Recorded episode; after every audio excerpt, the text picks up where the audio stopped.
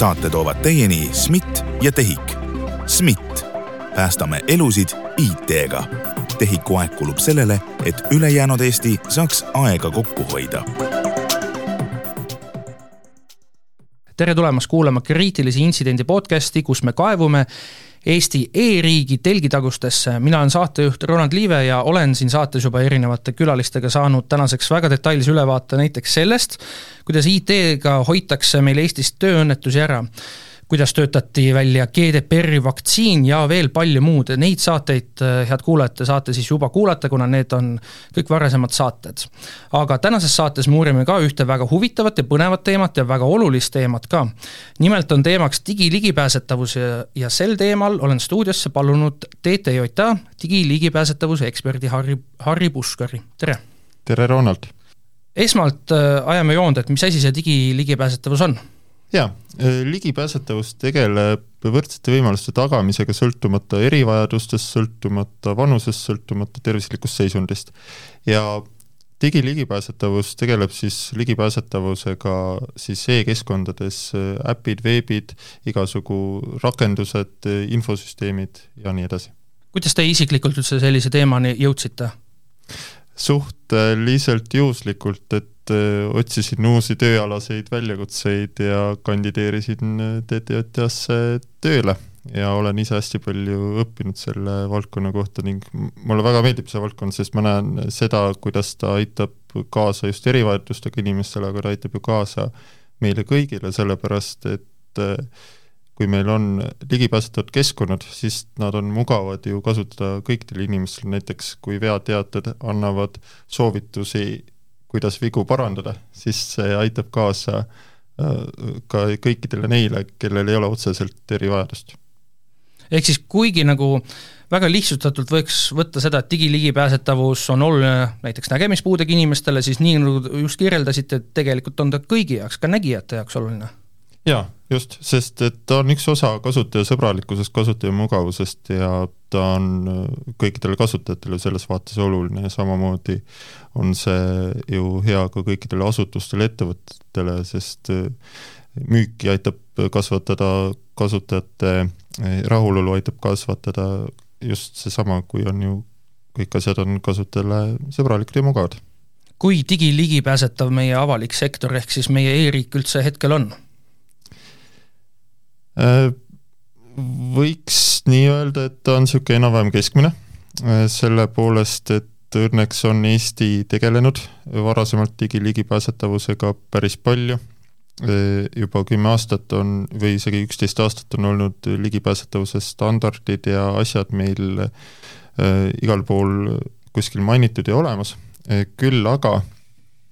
oleme me selles mõttes täna natuke ajast maha jäänud, et, et Euroopa Liit on äh, täiendanud seda seadusandlust viimasel kuuel-seitsmel aastal ja nendest standarditest äh, me näeme praegu mittevastavusi ja puudujääke ja, ja siin on nagu nii-öelda seda maad, mis on vaja nagu tagasi võtta ja, ja kus on vaja nagu parandusi teha. Need on standardid, aga need ei ole nii-öelda kohustuslikud standardid või kuidas? Need on ikkagi kohustuslikud standardid, et, et, et neid on ka refereeritud Eesti seadusandluses, näiteks avaliku sektori digiligipääsetavust reguleerib avaliku teabe seaduse paragrahv kolmkümmend kaks, mille alusel on vastu võetud üks ministri määrus ja kus on kehtestatud siis Euroopa Liidu digiligipääsetavuse standard EN kolmsada üks viissada nelikümmend üheksa.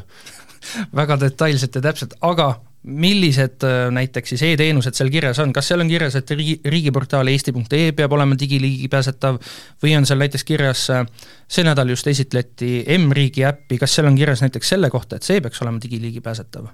jaa, digiligipääsetavad peavad olema põhimõtteliselt kõikide avaliku sektori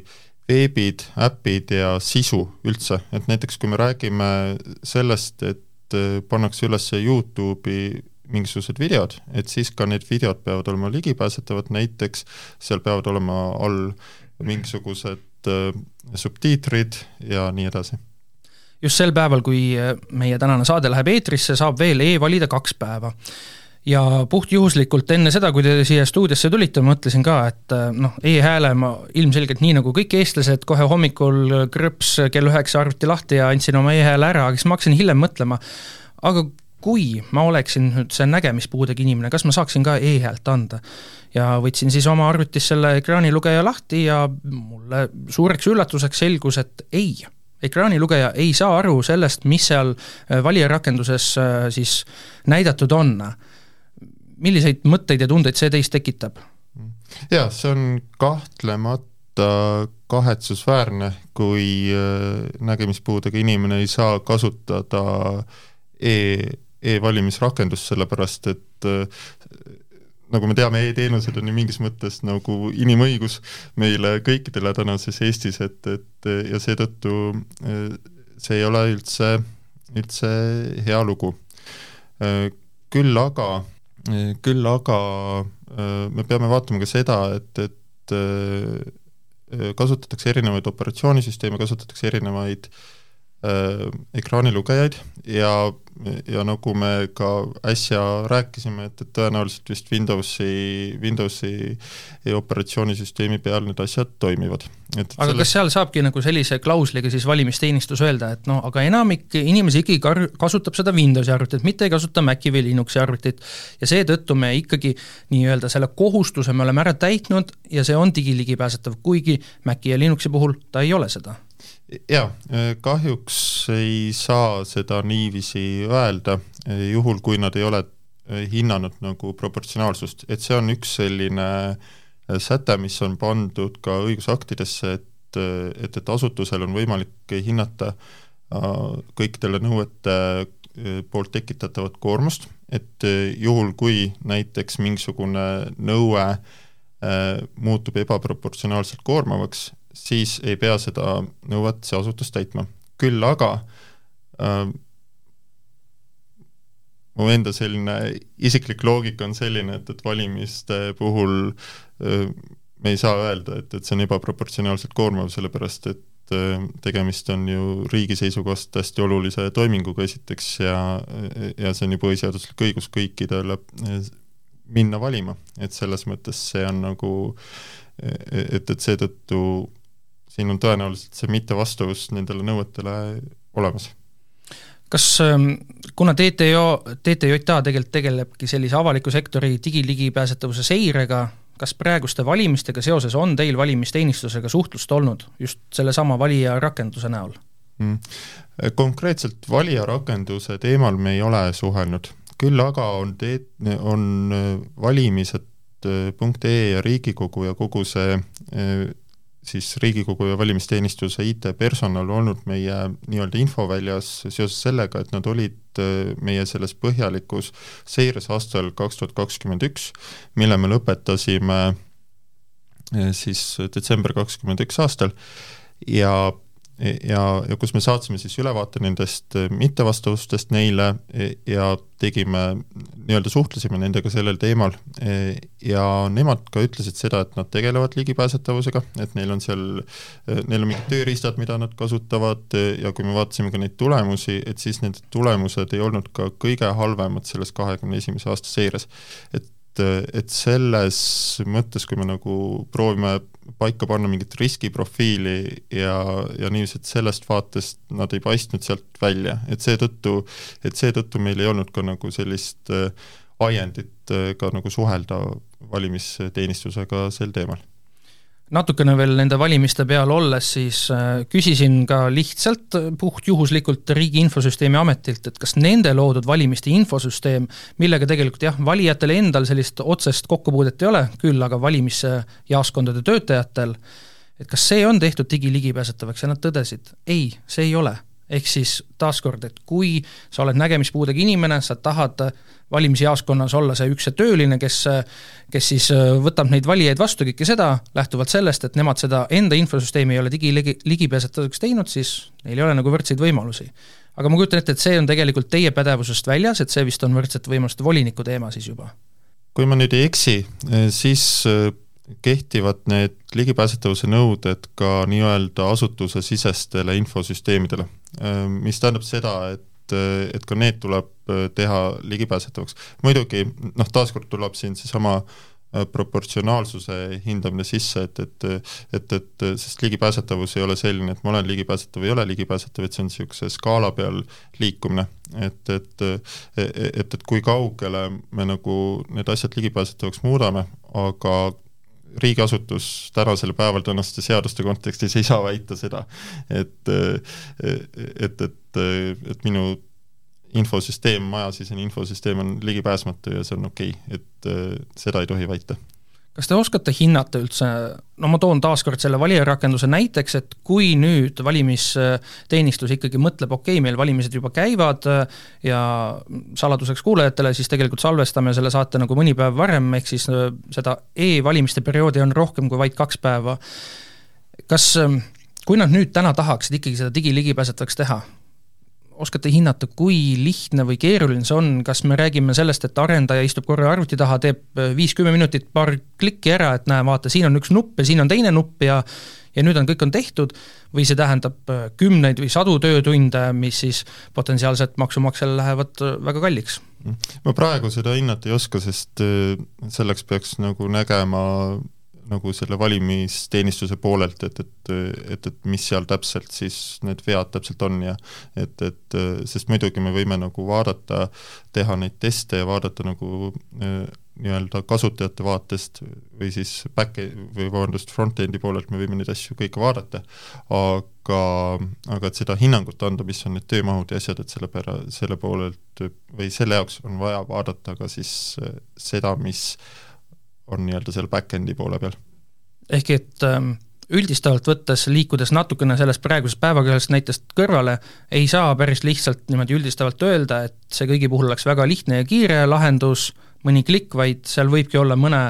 lahenduse puhul, et võtab hästi kaua aega. jaa, see sõltub täiesti nendest asjaoludest ja mul endal ei olnud kahjuks äh, aega enne seda salvestust seda nii põhjalikult vaadata, et siin anda mingit konkreetsemat äh, hinnangut. Aga läheme veidi üldisemaks, TTJA, nagu öeldud juba, seirab kogu seda avalikku sektorit digi, ligipääsetuse osas, kui tihti te neid äh, seiramisi teete? Meil on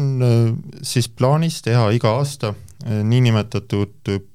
plaanilist seiret, eh, mis, eh, mille kohta me avaldame ka aruande TTJA lehel iga, iga aasta kohta. Ja plaanilises seires on meil kaks liiki, et on põhjalik seire, mis tähendab seda, et me testime vastavust kõikidele kohustuslikele nõuetele. Ja põhjalikus seires on meil iga aasta umbes viisteist kuni kakskümmend veebi ja umbes seitse kuni kümme äppi et äh, need numbrid olid siin väiksemad kahekümne esimesel, kahekümne teisel aastal ja need on suuremad nüüd kahekümne kolmandast aastast alates, et sellepärast mul praegu neid täpseid numbreid ei, ei ole äh, meeles.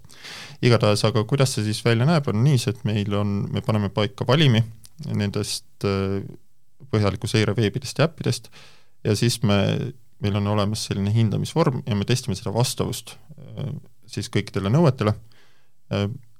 ja selle baasilt me saame siis ülevaate nende ligipääsetavusest. aga mille järgi see valimi üle te otsustate, kas see on ainuisiklikult teie või on seal mingine suurem koosolek toimub? jah, seda suunab väga detailselt üks Euroopa Liidu õigusakt kus on öeldud seda, et seal, et seal peavad olema sees näiteks kohaliku taseme veebid, seal peavad olema sees riigiasutused, seal peavad olema sees avalik-õiguslikud juriidilised isikud, seal peavad olema sees sotsiaalvaldkond, transport, avalik kord, julgeolek, et, et erinevad need kategooriad peavad olema kaetud, lisaks sellele peab olema mingi nii-öelda kvoot siis neid eelmise aasta äh, veebiäppe, mis meil seal on, peab olema mingi kvoot neid uusi veebiäppe, lisaks sellele eh, tuleb ka konsulteerida eh, siis ka sihtgrupiga, et näiteks, eh, näiteks me oleme siin igal aastal olemegi suhelnud puuetega inimeste kojaga, Pimedate Liiduga ja nii edasi, et see tuleb kokku sellise suure niisuguse eeltöö baasilt. aga ma tulen korra tagasi selle eelmise küsimuse juurde, et, et ma ennem rääkisin sellest põhjalikust seirest ja lisaks selle kõrvale on ka nii-öelda lihtsustatud seire, et see lihtsustatud seire on laiahaardelisem, meil on seal üle saja veebi, kus siis teostatakse automaattestimisi, et mis on või mida see automaattestimine siis tähendab, on see, et, et on olemas teatud sellised veebitööriistad, millega saab automaatselt testida veebide ligipääsetavust ja nad testivad vastavust ainult osadele kohustuslikele nõuetele. et, et nad ei ole selles mõttes nii autoriteetsed, aga nad annavad sellise kiire pildi ette teatud ligipääsetavuse probleemidest ja asjadest ja, ja, ja sellega me saame teha sellist nii-öelda suurel skaalal äh, testimisi ja, ja, ja see on siis nagu see teine osa sellest äh, iga-aastasest seirest ja veel lisaks meil on ka need äh, nii-öelda vihjepõhine järelevalve, mis tähendabki umbes seda, et kui näiteks sina, Ronald, Äh, kirjutad mulle, et, et näed, siin on kuvatõmmis sellest, kuidas äh, Macis äh, valimistee rakendus ei tööta, et siis, et siis see on minule aluseks ise ka seda kontrollida, vaadata, suhelda valimisteenistusega ja, ja me teeme nagu sedasorti järelevalvet ka veel kas nüüd lähtuvalt meie sellest tänasest vestlusest tegelikult niimoodi, kui te nüüd siit stuudiost, stuudiost lahkute, toimubki selline siis äh, nii-öelda järgnev tööpäev keskendute valimistele? põhimõtteliselt jah väga meeldiv. aga mm, oktoobrist detsembrini teil toimus selline seire, sada seitseteist veebi, seitse mobiilirakendust, äh, oskate öelda niimoodi üldistavalt, millised need tulemused olid, kas need teie hinnangul olid head või pigem halvad? no ei saa öelda, et meil äh, veebid äpid Eestis äh, täiesti ligipääsmatud on, et aga teiselt poolt seda arenguruumi on ju alati ja, ja arenguruumi on ka selles vaates, et äh, kui me vaatame seda, kuidas ligipääsetavusnõuded on jaotunud, et neid jaotatakse nelja põhimõtte alusel, et siis me näeme neid probleeme kõikides äh, põhimõtetes, mis ligipääset-, mille alusel ligipääsetavusnõudeid jagatakse, et selles mõttes kahjuks need äh, asjad on äh, sellised laiahaardelised ja päris tavaline on see, et kui me erivajaduse, e, e, kui me mõtleme, paneme ennast erivajadusega inimeste kingadesse, et nad kindlasti kohtavad seal neid e, ligipääsetavuse probleeme, kui nad kasutavad veebi äppe. või noh, et need enamik neid juhtumeid ei ole sellised, kus need veebid ja äpid oleksid kasutamatud, et et, et kõik on kasutatavad, et aga lihtsalt seal ongi vähemal või suuremal määral ebamugavusi mis äh, seal ei tohiks olla, sest kui me mõtleme ka enda kui tavakasutaja peale, et siis meie jaoks on ju kõikidele veebid ja äpid toimivad üldjuhul väga hästi ja, ja, ja meie jaoks on suur uudis see, kui seal on mingisugune suur probleem, et siis on sotsiaalmeedia kohe kriitikat täis. Te mainisite selle ära, et ähm, selles seires on sees ka see, mingi teatud osa siis äppe ja veebe, mis varasemal korral on ka seires olnud, ma toon näite Riigi Infosüsteemi Ameti arendatud Digidoki äpp, mille mittevastavuse protsent oli tõusnud aastaga, ehk siis ta oli kehvemaks läinud. kuidas see võimalik on? mina nii-öelda tavakasutajana, olles seda äppi aeg-ajalt kasutanud, minu teada ühtegi uut funktsiooni sinna juurde ei tulnud, ma kujutan ette, et jah, midagi, võib-olla mingeid turvauuendusi ja asju tehti, aga kuidas on võimalik ikkagi, et äpp digiligipääsetavuse mõttes muutub aastaga kehvemaks, kui midagi suurejoonelist sinna lisatud ei ole siin tuleb arvestada seda, et see mittevastavuste protsent seal esindab suhteliselt väikest arvu neid äh, mittevastavusi. et miks me esitame enda avalikus aruandes neid tulemusi protsendina, on sellepärast, et äh, iga mittevastavuste hulka mõjutab lisaks sellele, palju neid seal on, mõjutab ka see, et, et millised nõuded näiteks kohalduvad ja millised mitte. näiteks äh, mõnes veebis ja äpis meil olid ka sisse võetud valimisse mõned asjakohased PDF äh, formaadis äh, dokumendid, aga kuna me kõikides veebides ja äppides neid ei leidnud, siis nad olid ainult osa, osaliselt nagu esindatud valimis. ja seetõttu, ja seetõttu, kui me nagu paneksime nagu absoluutnumbrites, et, et ütleme, et näiteks Riia digidoc oli selle PDF-iga näiteks, et see on selline äh, lambist võetud näide praegu, eks ju, Tria digidokil on äh, on, eks ju, see PDF sees, aga ütleme näiteks äh, Ole valmis äh, äpil ei ole seda PDF-i sees, siis need PDF-i mittevastavused ju tulevad kohe juurde sellesse Riia digidoki äppi ja, ja, ja sellega oleksid need mittevastavuste arv oleks ka palju suurem. et, et, et, et sellepärast me nagu vaatame protsendina neid asju ja jah, ja, ja, ja tegelikult see nagu absoluutnumbrites see muutus on tegelikult üpris, üpris väike aga... jah, ma mainin selle muutuse ära ka, et see oli aastaga siis kaks koma kaheksa protsenti läks kehvemaks, et siin mm. ei olnud, ei saa rääkida jah sellest, et tõesti üldse seda digiligipääsetavust seal ei oleks, vaid siis jah, kaks koma kaheksa protsenti. Mm. ja, ja kuskohast see asi nagu sisse tuleb, et see annab tunnistust sellest, et ligipääsetavus on igapäevane protsess sellepärast, et iga uuendus, mis me nagu sisse paneme ja olles nüüd rää-, rääkinud ka Digidoki arendustiimiga nendel teemadel, et, et ka nemad äh, seal uuendavad äh, seda äppi aastas mitu korda. ja, ja tegelikult iga uuendus, kui me ei tegele teadlikult ligipääsetavuse tagamisega, siis iga uuendus äh, võib neid ligipääsetavuse probleeme sisse tuua. Et see tähendabki seda, et, et kui me nagu tahame ligipääsetavusega päriselt tegeleda, Eh, ja seda tõsiselt võtta, siis me peame nagu sellele mõtlema jooksvalt ja pidevalt, et see on üks osa meie igapäevasest tööst, mitte ühekordne projekt. Digi, digidokist rääkides, siis äh, aastaid tagasi oli ka juhus, kus nägemispuudega inimesed tegelikult esitasid äh, vigase ID-kaardi tarkvara tõttu siis riigile kümne tuhande eurose nõude just seetõttu, et nemad ei saa seda rakendust siis kasutada, jutt siiski ei, ei käi hetkel küll sellest mobiiliäpist, vaid arvutilahendusest, tänaseks minu teada on jõutud sinnani, et äh, mõlemad osapooled siis omavahel nii-öelda nagu sõbralikult saavad läbi, jah, on tõdetud seda, et tehti halvasti, on tunnistatud viga, nagu raha ei ole keegi kellelegi maksnud selle eest, aga, aga jah, et nii-öelda, et et justkui kõik on nüüd, nüüd lõpptulemusega rahul ikkagi või kuidas teie arusaam sellest on? noh, päeva lõpuks ju, kui erivajadustega inimesed on asjadega rahul, siis põhimõtteliselt me võimegi öelda, et äh, asjad on lahendatud. et, et, et noh, me ei tohiks nagu äh, jaburalt hakata bürokraatiat äh, siin taga ajama. küll aga peaks iga asutus ja ettevõte, kes tahab olla eeskujulik, edumeelne, sotsiaalselt vastutustundlik, peaks ikkagi võtma endale südameasjaks selle, et, et ta tegeleb äh, digiligipääsetavusega ja, ja, ja, ja ta lahendab ära ka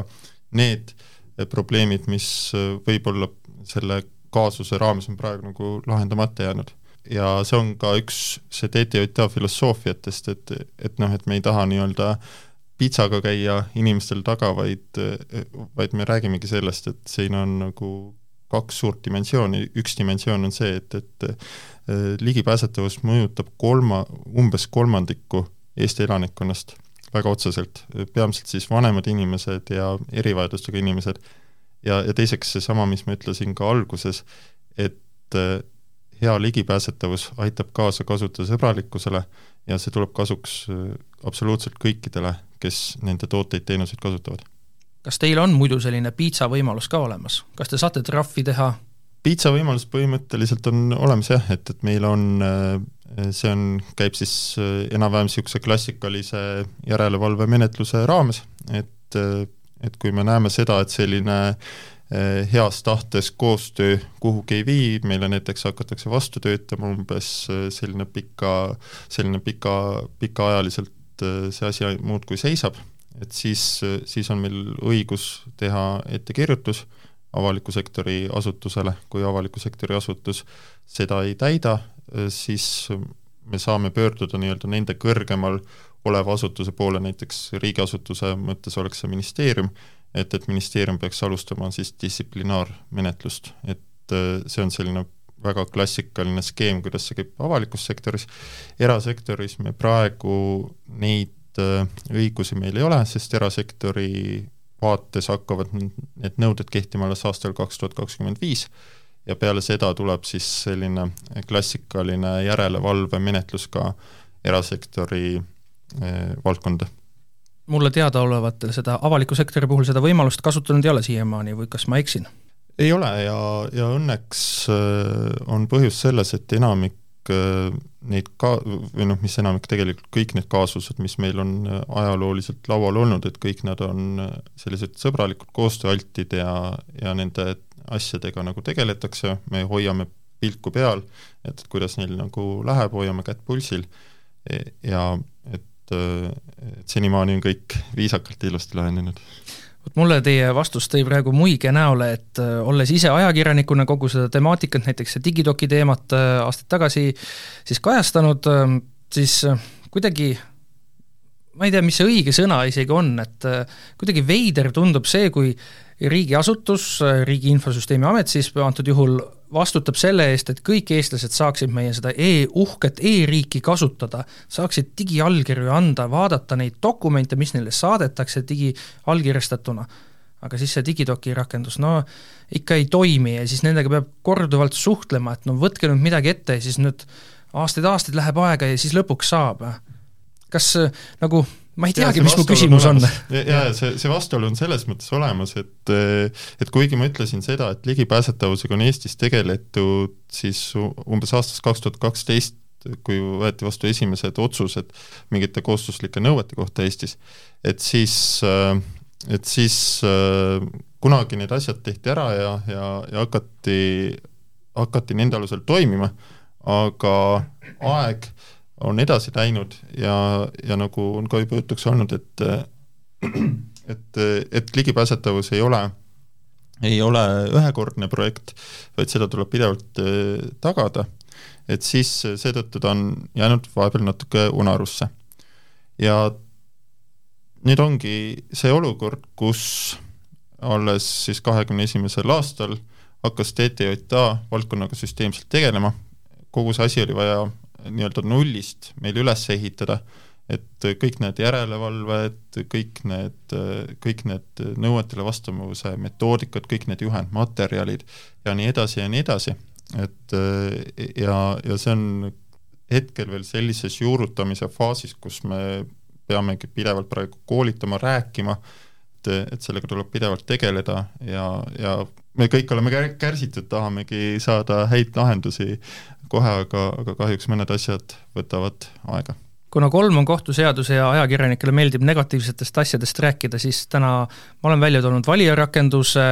puudujäägid, siis sai mainitud ära see Riia digidoki teema, ma lihtsalt mainin ära, et, ka presidendi kantselei ei ole süüst päris prii, et valimis, või tähendab, president.ee veebileht siin mõni aeg tagasi ei olnud ka digiligipääsetav, kas selles osas on arenguid, positiivseid arenguid toimunud siis? Äh, jaa, president.ee tegi ära äh, teatud uuendused, see oli meil aasta aega tagasi, mäletan, ise te kirjutasite ka mulle sel teemal, et, et nad on teinud neid uuendusi enda lehel ja kõike, aga kuna ma ei ole teinud mingit konkreetset vastuse hindamist, et siis ma äh, ei oska öelda, mis seal see konkreetne seis hetkel on, aga jah, et seesama muster äh, mis on nendes kõikides kaasustes meil laual olnud, et kui me pöördume sellega, et näed, teil on ligipääsetavuse probleemid, et siis äh, saadakse aru, et see ongi päriselt äh, asi, millele on vaja rohkem fookust panna, sest hästi palju seisabki sellise teadmatuse taga, et, et et, et väga palju ei teatagi, mis on ligipääsetavus, kuidas seda asja tagada, et see ei ole midagi pahatahtlikku, aga, aga see ongi sellest, et et neid asju ei ole väga teadvustatud ja seetõttu ongi selline suur ahaa-moment, peale mida siis hakatakse aktiivselt selle asjaga tegelema. ehk siis et see info jõuaks võimalikult paljude inimesteni, ongi vaja teha analoogseid saateid, kus me räägimegi sellest, mis asi see digiligipääsetavus on ja miks see oluline on. täpselt aga räägime siis, selle kohtuseadus on meil täidetud, kolmest halvast asjast oleme rääkinud, kas midagi hästi ka on, kas te saate midagi tuua näiteks, et mõni avaliku sektori veebileht, äpp on, no see on nüüd musternäide, palun kõik teised tehke niimoodi? sellist näidet hetkel ei ole, aga ma usun, et kui me saaksime rääkida umbes poole aasta, aasta pärast, et siis neid näiteid juba on, sellepärast et kui ma mõtlen sellele suhtlusele, mis on nüüd alanud peale siis kahekümne teise aasta raporti avaldamist siin aastavahetuse paiku et siis äh, väga paljud äh, asutused, eelkõige just need, kes seal meil põhjalikus seires olid, on need äh, raportid väga detailselt ette võtnud, kokku pannud mingisugused arendusplaanid, et siin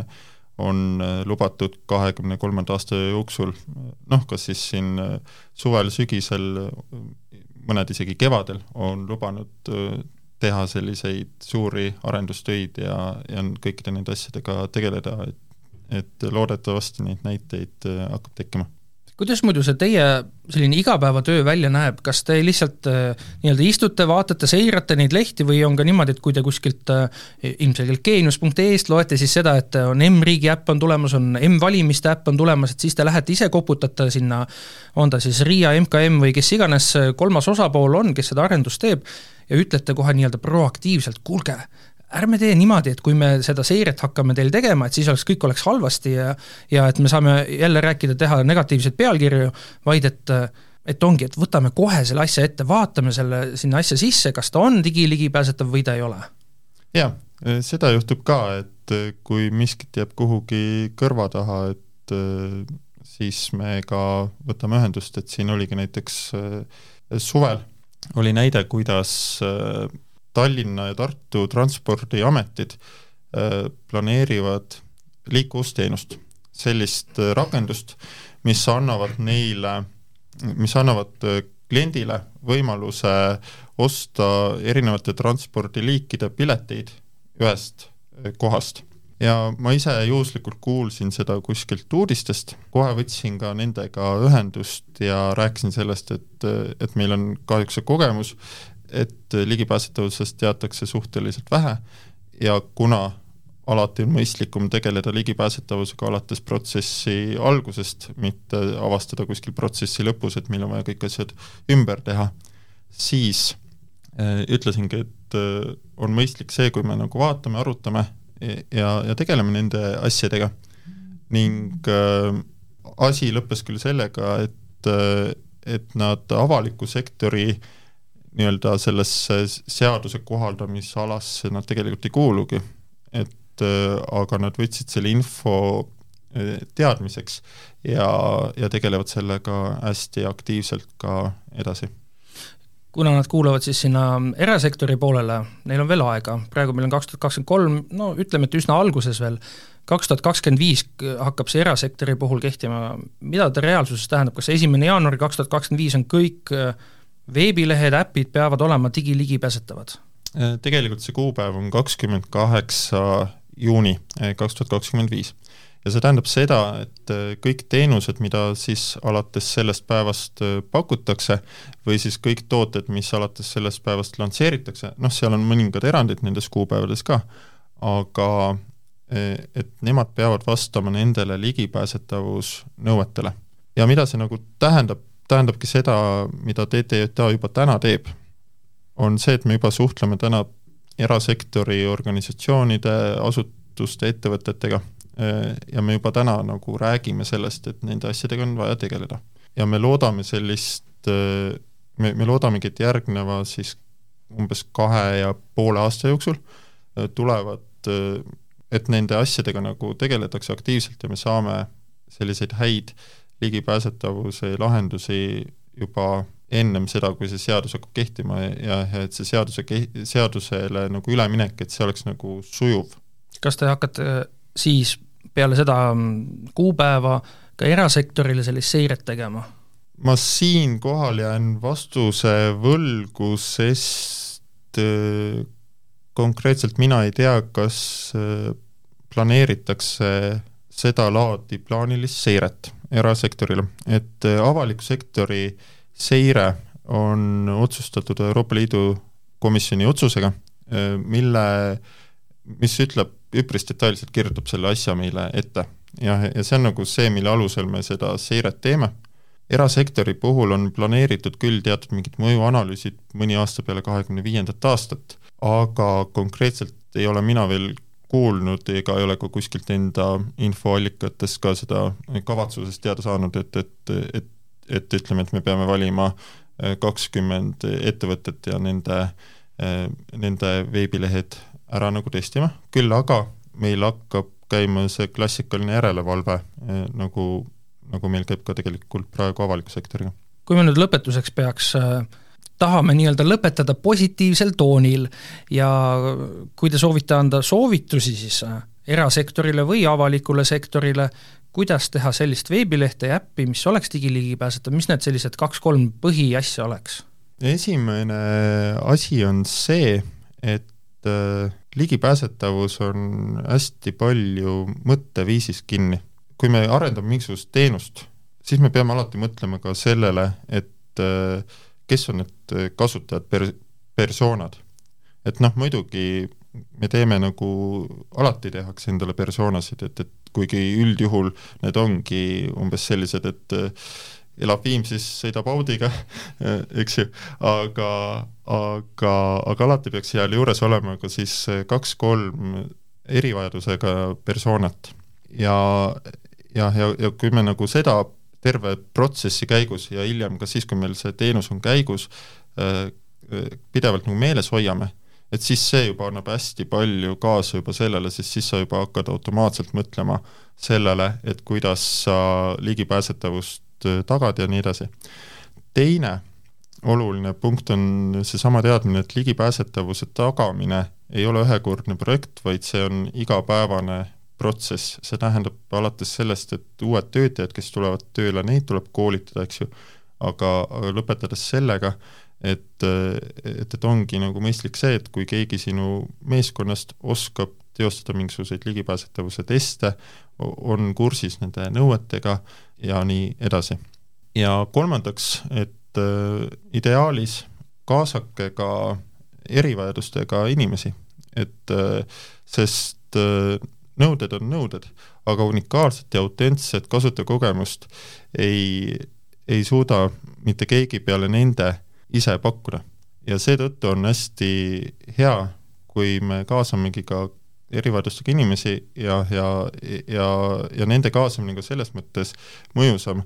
et üks asi on see, kui mina saadan sellise keerulise auditi nendest nõuetest, mis on mittevastavad, teine asi on see, et kui sa saad istuda potentsiaalse kliendiga, kes on näiteks pime ja, ja ta näitab ekraanilugejaga ära, kuidas sinu e-pood ei toimi, et siis see avab sinu silmi nii-öelda palju rohkem ja olgu kuulajatele siis välja toodud, et äh, tegelikult need ekraanilugejad, neid võib igaüks kasutada, et äh, mina, mulle on antud see luksus, et mul on nägemine, sellest hoolimata ma saan oma arvutis selle ekraanilugeja lahti teha ja just niimoodi ma selle valija rakenduse puudujäägile otsa komistasin, et, et tõesti, te võite ise panna oma ekraani heleduse täiesti maha, siis, siis te ei näegi, mis seal ekraani peal on ja te peategi juhinduma sellest, mida see ekraanilugeja teile ette loeb. ja need lahendused on olemas kõigil Windowsi, Maci ja Linuxi arvutitel, et ei ole siin seda, et äh, nüüd ma pean mingise teise arvuti endale ostma. aga head kuulajad, selline sai meie tänane saade, külas oli TTÜ digiligipääsetavuse ekspert Harri Puskar mina olen saatejuht Roland Liive ja kui teil on soove, ideid, mõtteid, mida te tahate siin saates veel kuulda, siis saatke meile, kirjutage või joonistage meile geenius.geenius.ee või leidke kriitiline intsident üles Instagramist. meie kohtume juba uuel nädalal.